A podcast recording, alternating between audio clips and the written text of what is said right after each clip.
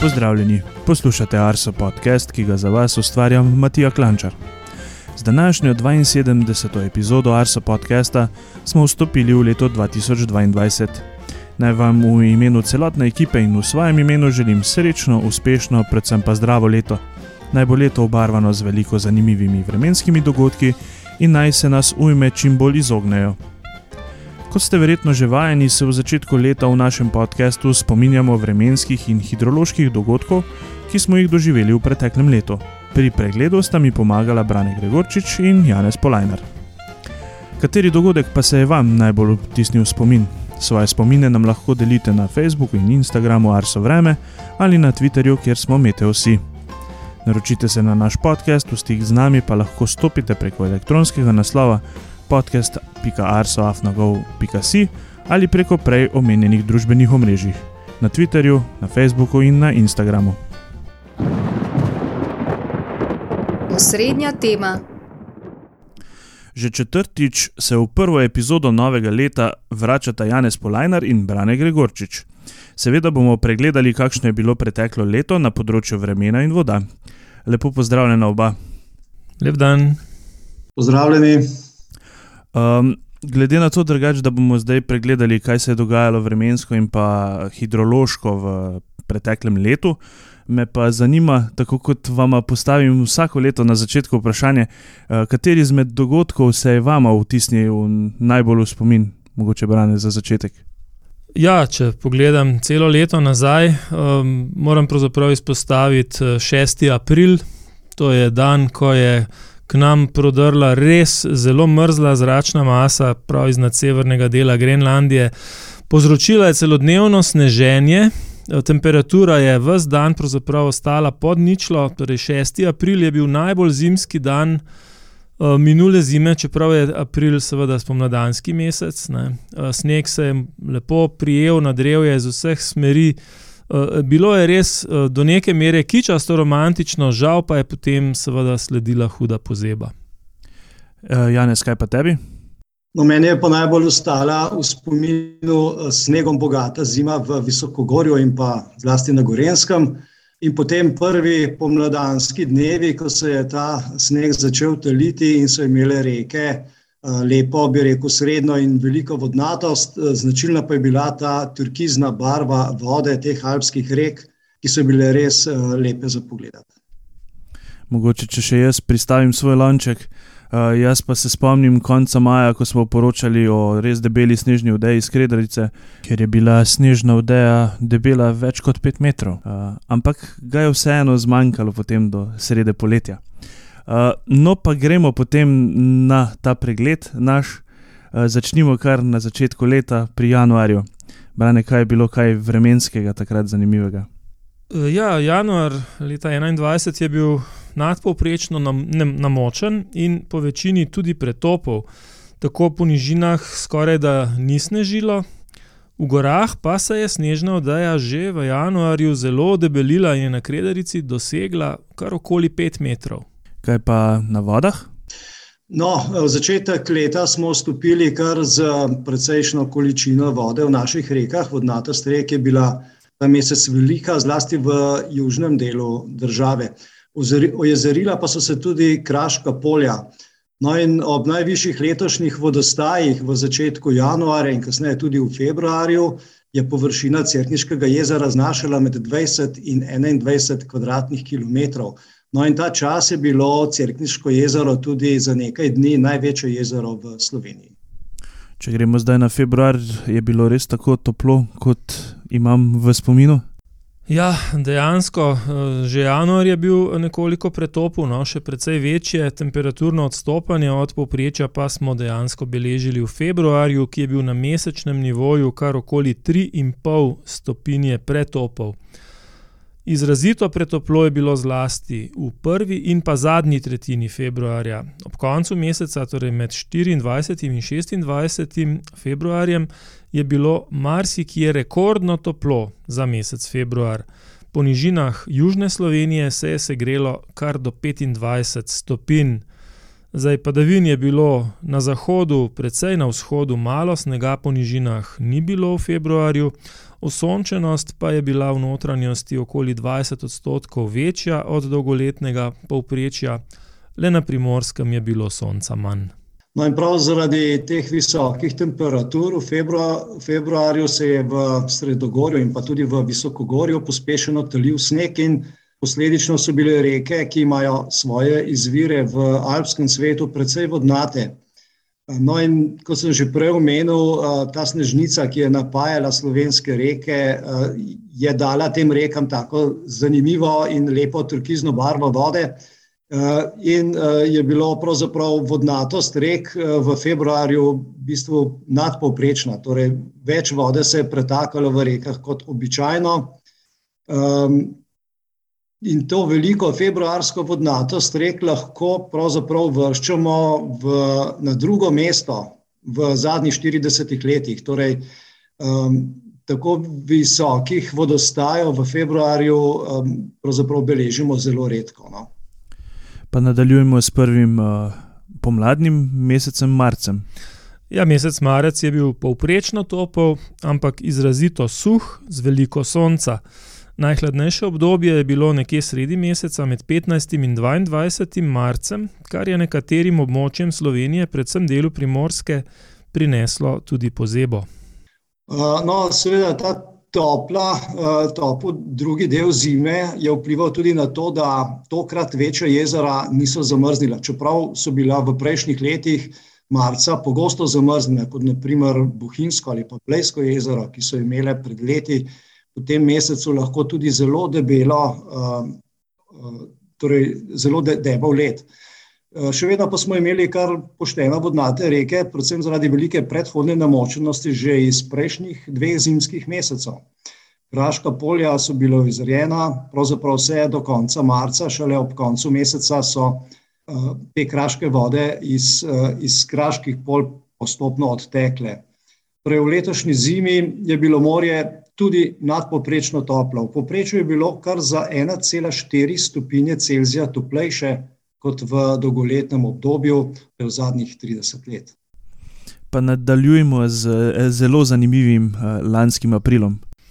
Ja, uh, aprila je bilo vremensko dogajanje res kar eh, burno. Predvsem si bomo zapomnili to izrazito ohladitev in sneženje do nižin v prvi dekadi meseca. Ne. K nam je dejansko prodrla zelo mrzla zračna masa iznad severnega dela Grenlandije in padec temperatur, ki je sledil temu novo zapadlemu snegu, torej v jasnih nočeh 7. in 8. aprila, je povzročil splošno pozebo sadnega drevja v večjem delu Slovenije. Še kot zanimivost, v Novi vasi na Blokah smo uh, te dni izmerili tudi novo slovensko rekordno nizko aprilsko temperaturo in sicer kar minus 20,6 stopinje. Razmeroma hladno aprilsko vreme pa se je potem kar vleklo do konca meseca in april 2021 je bil doslej najhladnejši april v tem tisočletju. No, seveda, tudi to se je odražalo na rekah. In sicer po dveh eh, mesecih, po večini ustaljenih hidroloških razmer, so reke v aprilu začele naraščati, zlasti v zahodni in pa ponekod v srednji Sloveniji. Eh, reke na primorskem in na gorenskem, pa tudi ponekod v srednji Sloveniji, so narasle do velikih pretokov, eh, no, med njimi pa so nekoliko močneje narasli, zlasti reka Rižana in Dragonja, ki sta se kot prvi v tem letu, in sicer 12. aprila, razlivali na najbolj izpostavljenih eh, delih ob, ob, ob strugah. Sicer pa je bila skupna srednja vodnatost slovenskih rek v aprilu za približno 30 odstotkov manjša od običajne. Je maj sledil potem temu trendu eh, nizkih temperatur?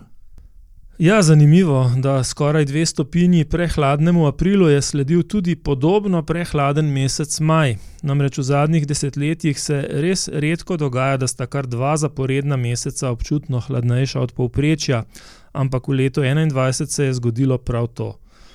Poleg tega je bil maj tudi zelo namočen, padlo je kar dvakrat toliko dežja kot ponavadi v mesecu maju. No, in to se je ponovno odražalo na rekah, saj je bila skupna srednja vodnatost slovenskih rek v maju kar za 10 odstotkov večja, kot je običajna. In že v začetku meseca, 7. in 8. maja, smo se prvič v tem letu soočili tudi z hudurniškim tipom poplav, predvsem ob vodotokih eh, s poveri na Pohorju in na širšem celskem območju. No, in 17. Eh, maja so se na območnih nalivih v Goriških brdih zelo hitro odzvali nekateri manjši vodotoki. Naprimer, na vodomerni postaji na reki eh, v Neblu se je vodostaj v dveh urah povišal oziroma je narastel skoraj za dva metra, pretok pa se je v tem času povečal iz 6 kubičnih metrov na sekundo na 100 kubičnih metrov na sekundo. No in vse do konca meseca smo v različnih delih države beležili visoke vode, ampak večjih razlivanj k sreči ta mesec ni bilo. Le reki Vipava in Cerkniščica sta, sta dosegla svoja največja doslej izmerjena pretoka v mesecu maju. In kot zanimivost naj povem, da na vodomerni postaji Neblo na reki Reki uh, imamo tudi uh, vremensko kamero oziroma uh, hidrološko kamero, uh, ki je v bistvu ta uh, opisan dogodek, ki ga je Janez pravkar povzel, tudi lepo. Uh, Posnela, kar smo v bistvu tudi potem delili z našimi sledilci na družbenih omrežjih. Če gremo zdaj na najtoplejše triletje v lanskem letu, začnemo z junijem. Brane, kako je bilo? Tri mesece, si hotel reči. Ja, zanimivo, kot bi odrezal. Uh, začetek junija je prinesel spremembo, in uh, kar hitro se je dejansko otoplilo. In mesec juni se je uvrstil med tri najtoplejše junije v zgodovini meritev. Razvoj vremena med mesecema majem in junijem je bil tako na las podoben tistemu iz leta 2019, ko je tudi hladnemu in mokremu maju sledil poletno vroč juni. To ponavadi se upada tudi z velikim številom komarjev v naravi. No, uh, juni 21 je bil pravzaprav zelo suh in sončen po trajanju sončnega obsevanja se je uvrstil celo na prvo mesto v zgodovini meritev. V drugi polovici meseca pa je Slovenijo zajel vročinski val, za katerega se je potem kasneje izkazalo, da je bil pravzaprav najbolj izrazit in najdaljši v vsem poletju leta 2021. No in, uh, srednja vodnatost slovenskih rek je bila v juniju za 10 odstotkov manjša od običajne.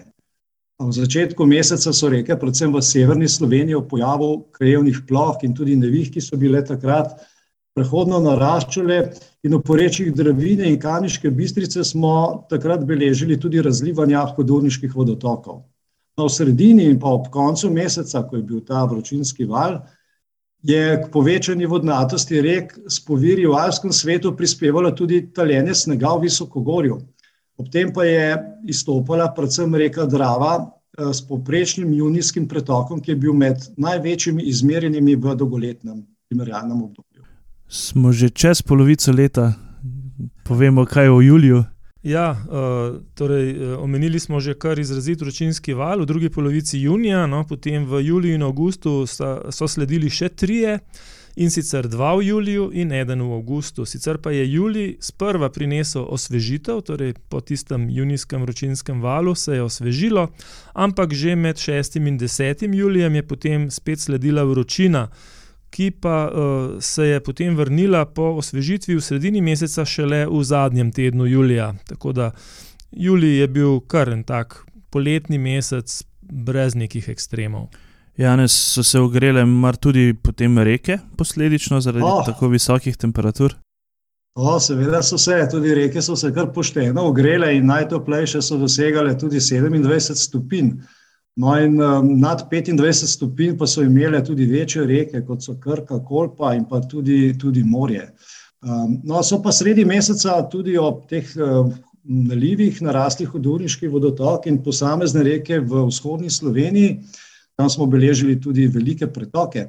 Reke na območju Pohorja, kot so naprimer Radolna, Mislinja in pa Oplotnica, pa so 18. julija dosegle pretoke, ki so bili celo med največjimi doslej izmerjenimi v poletnem času. Torej, močno so narasle zlasti te manjše reke ob uh, teh krajevnih neurjih in pa krajevnih nalivih.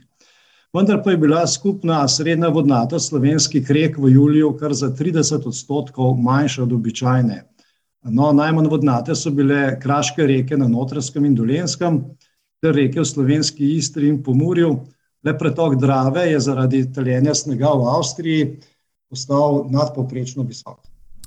Če gremo zdaj na mesec avgusta, uh, ko smo v bistvu merili v lanskem letu tudi najvišjo uh, temperaturo, uh, 37 stopinj smo izmerili na letališču Crkve ob Krki, kakšen pa je bil, kakšni so bili ostali dnevi brane? Ja, no, tudi ta temperatura, seveda, ni rekordna. Vemo, da tam je šlo avgusta leta 13, že čez 40. Ja, v letu 21 je bilo v avgustu res vroče, le med 10 in 16 avgustom, sicer pa so bile temperature blizu ali pa tudi pod dolgoletnim povprečjem. In prav hladnemu zaključku avgusta se lahko zahvalimo, da se je poletje leta 21 uvršča šele na četrto do šesto mesto najbolj vročih poletij. Najbolj vroča poletja pa ostajajo tista iz let 2003, 2019 in 2017. Zanimivo je še dejstvo, da so se v osrednji Sloveniji vsi vroči dnevi tega poletja zvrstili med 16. junijem in 22. augustom. Imeli smo torej kar 39 vročih dni v dobrih dveh mesecih. Sicer pa je bilo poletje 21 suho in izrazito nadpovprečno osončeno predvsem v juliju in avgustu pa seveda tudi ni šlo povsem brez krajevnih neurij. Kakšen pa je bil zadnji poletni mesec na vodah? Ja, kot rečeno, je bil prvi del meseca še vedno zelo toplo in tople so bile tudi reke, jezera in pa morje. Najtoplejše reke so imele v sredini meseca temperaturo okrog 26 stopinj in več, morje je imela tudi 29 stopinj Celzija. No, in ob koncu meseca, ob tej ohladitvi, um, pa so se tudi reke, pa tudi morje nekoliko ohladile. Sicer pa je bila skupna vodnatost slovenskih rek, tako kot prejšnji mesec, za 30 odstotkov manjša od običajne. Beležili smo tudi nizkovodne razmere, predvsem v Južni Sloveniji, recimo Kolpa, Krka in Ljubljanica, so se celo približale najnižjim srednjim mesečnim pretokom za ta mesec po dolgoletnem obdobju meritev. Po drugi strani pa so Drava, Sava, Bohinka in pa Soča v zgornjem toku zaradi taljenja snega še vedno v, v visokogorju dosegale nadpoprečno vodnato. No, pa nas čakajo jesenski meseci. Kakšen je bil september? Ja, september je bil nadpovprečno topel in suh mesec, ampak 29. septembra smo pa ponekod po Sloveniji beležili izrazito močne nalive, ponekod celo s povratno dobo več kot 100 let. Ti močni nalivi so prizadeli tudi precejšen del Ljubljane, posebej njen osrednji in severni del. No, in ravno te nalivi so v Ljubljani povzročili mestne poplave. V bistvu pa je bila septembrska vodnatost rek, če gledamo celotni mesec, med najmanjšimi v zadnjih desetletjih. Vodnatost rek je bila v povprečju kar za 60 odstotkov manjša od običajne.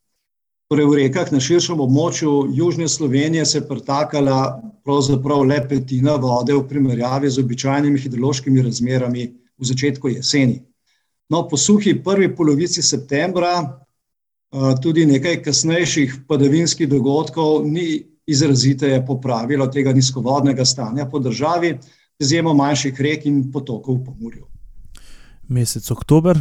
Ja, oktober je bil pa približno stopinjo prehladen in večinoma dokaj suh mesec, brez večjih vremenskih posebnosti. No, nekaj posebnosti pa je bilo tudi na morju. Recimo 7. oktober je prišlo do tako imenovanega sovpadanja povišene gladine morja in povišenega valovanja morja zaradi burje. Namreč takrat je pihala kar močna burja. In najvišji valovi so bili nedaleč od obale pri Piranu izmerjeni v višini okoli 2 metra in tudi nekaj več. No in ob tem pojavu, torej so upadene visoke gladine morja in pa visokega valovanja, je najbolj izpostavljen del slovenske obale Rt Madona v Piranu, kjer je zaradi tega prišlo do razlivanja morja. Sicer pa je bila v tem mesecu skupna vodnatost rek že peti zaporedni mesec manjša od običajne v oktobru kar za 60 odstotkov. Šele deževje ob koncu meseca je ugodno vplivalo na povečanje vodnatosti naših rek in delni obnovitvi vodnih zalog.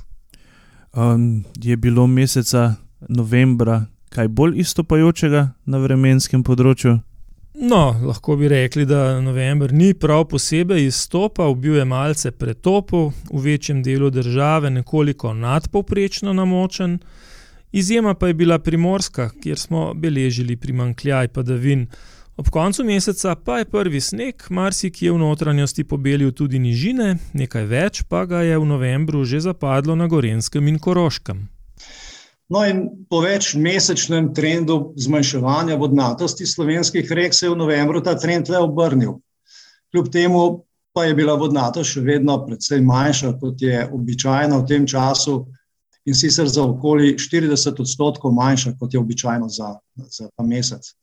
Poplave rek nas letos novembra k sreči niso prizadele, čeprav je statistično ta pojav najpogostejši ravno v tem delu leta se je pa večkrat razlilo morje, sreče pa tudi na obali nismo belečili tokrat večjih, večjih poplav morja.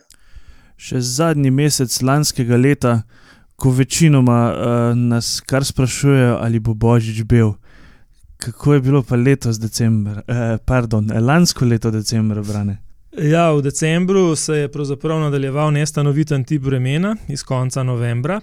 Tudi po nižinah je občasno snežilo, največ snega pa je v notranjosti zapadlo v noči z 8. na 9. december in sicer po nižinah večinoma od 10 do 20 cm, v više ležečih krajih pa marsikje tudi več kot četrt metra. Na vzhodu, kjer je bilo snega manj, je ta sredi meseca po večini skopnel, No, do božiča pa je večinoma skopnil tudi drugot po nižinah, bil božič so tako imeli le ponekod na Gorenskem in Koroškem, tam je bila snežna oddaja najdebelejša že prej. Dan po božiču je sicer sneg pobelil severovzhod Slovenije, ampak zapadlo ga je le nekaj centimetrov in tudi hitro pobralo. No, mi smo imeli pa v začetku decembra nekaj razlivanj morja, torej morje se je nekajkrat razlilo po nižjih delih obale, sredi, začetku decembra, pa tudi sredi decembra, pa se je ob taljenju snega v nižinah v manjšem obsegu razlivala tudi Ljubljanica in posamezni praški vodotoki. No, v tem mesecu večjih nevšečnosti z vodami ni bilo, vodnatost rek je bila pa precej običajna za decembr. No, če še pogledamo prav zadnje dni lanskega leta, se je že kdaj zgodilo, da je zelenemu božiču potem vendarle sledil zasnežen Silvestr. Ne? To, takšen razvoj smo že v preteklosti kdaj seveda doživeli, ampak ne pa letos. Ne? Letos se je pa na Silvestrovo v višinah izrazito otoplilo, k nam se je iz Tiberskega polotoka razširil greben z zelo toplim zrakom in v novo leto so pri najvišji temperaturi zraka vstopili na Hočkem pohorju, kjer je bilo kar 15 stopinj ob polnoči, na Lisci plus 14, na Kumu plus 13. No, ampak seveda topo zrak zaradi šibkih vetrov ni segel do nižin. Ne. V Ljubljani smo tako ob polnoči v megli izmerili nič stopinj, ob morju prav tako v megli okoli 5 stopinj, najhladneje pa je bilo v Babnem polju minus 4 S to zanimivostjo smo lepo zaokrožili celo leto 2021. Um, verjamem in veselim se že, kaj nam bo pripravilo na vremenskem in pa hidrološkem področju letošnje leto. Uh, vama dvema pa se lepo zahvaljujem za vaš čas, za ta lep pregled in verjamem, da se uh, slišimo uh, po, ponovno v takšni zasedbi tudi čez eno leto. Hvala, hvala, lepo zdrav. Ja, hvala lepa. Obeti. Prve letošnje obete je pripravila Veronika Hladnik Zakotnik. Kakšno bo vreme v prihodnjih dneh?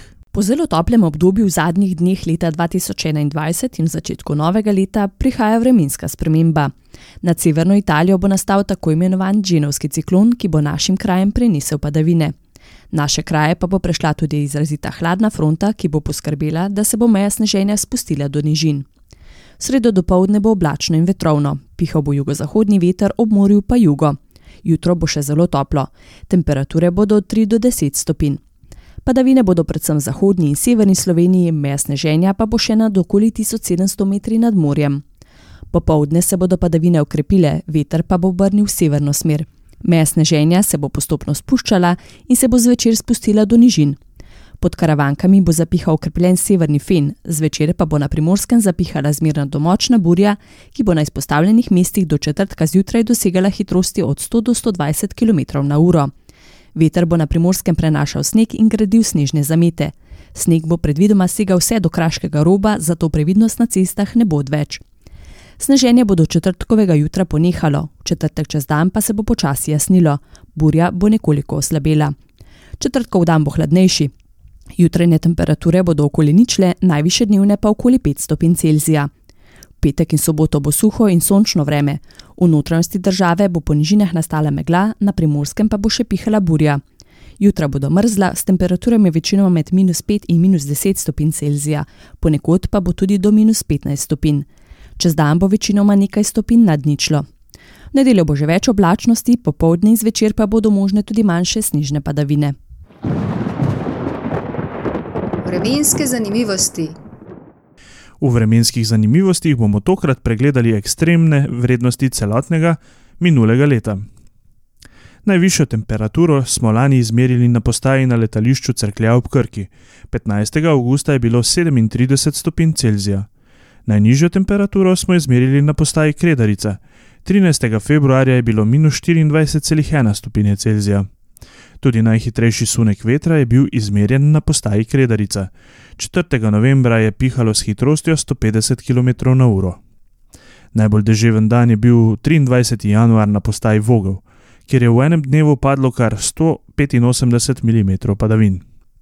Najbolj sončna postaja preteklega leta je bila postaja na letališču Portorož, ki je zbrala 2359 ur sonca.